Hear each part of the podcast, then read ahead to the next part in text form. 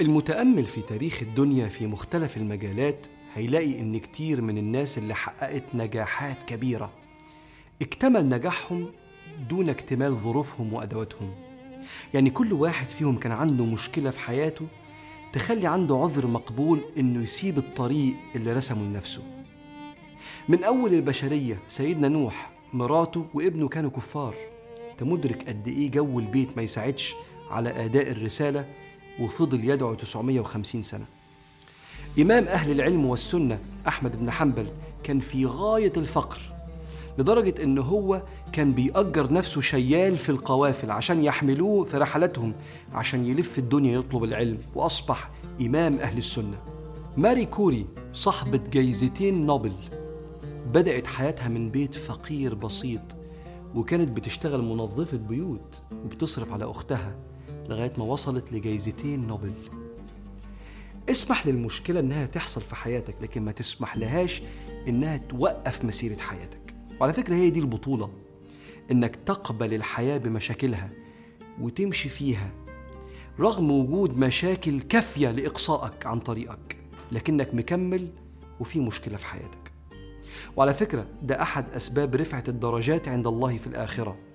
وأحد أسباب بناء النفوس الصلبة القوية المسؤولة في الدنيا. عشان كده ربنا سبحانه وتعالى اتكلم عن أجر المهاجرين والأنصار الأوائل اللي كانوا عايشين بمشكلة كبيرة وهي حرب العالم كله ليهم.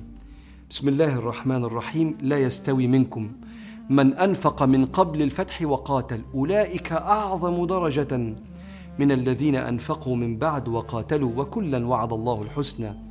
والله بما تعملون خبير. هم كملوا نصرة لرسول الله رغم العالم كله اللي كان واقف ضدهم وكملوا.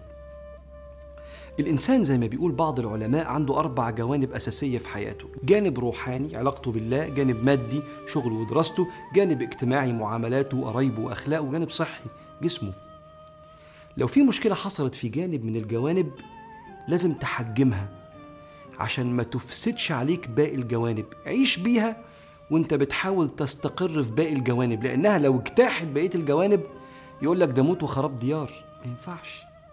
عشان كده سيدنا رسول الله صلى الله عليه وسلم كان حريص يفك المشاكل من بعض علشان تعيش بمشكلتك تحاول تحلها بس ما تدمرش بقية الجوانب. يعني مثلا واحد مريض ودي مشكلة في الجانب الصحي أحد جوانب حياتك.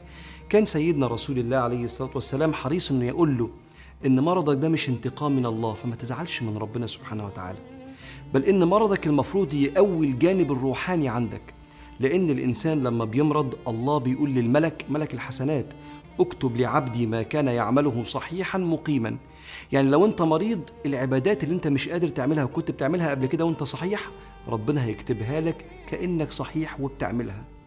علشان مشكلة المرض الصحية ما تأثرش على روحانيات العبد بل تشجعه يقوي روحانياته. فيعيش بالمرض وهو قريب لربنا سبحانه وتعالى. ويثني سيدنا رسول الله ويشكر في بركة الناس اللي بتاكل من إناء واحد. لعلمه إن هتيجي في يوم من الأيام على البيوت مشكلة مادية ضاغطة فما يبقاش عندنا إلا أكل قليل. فلما نحط إيدينا كلنا في طبق واحد ربنا يبارك.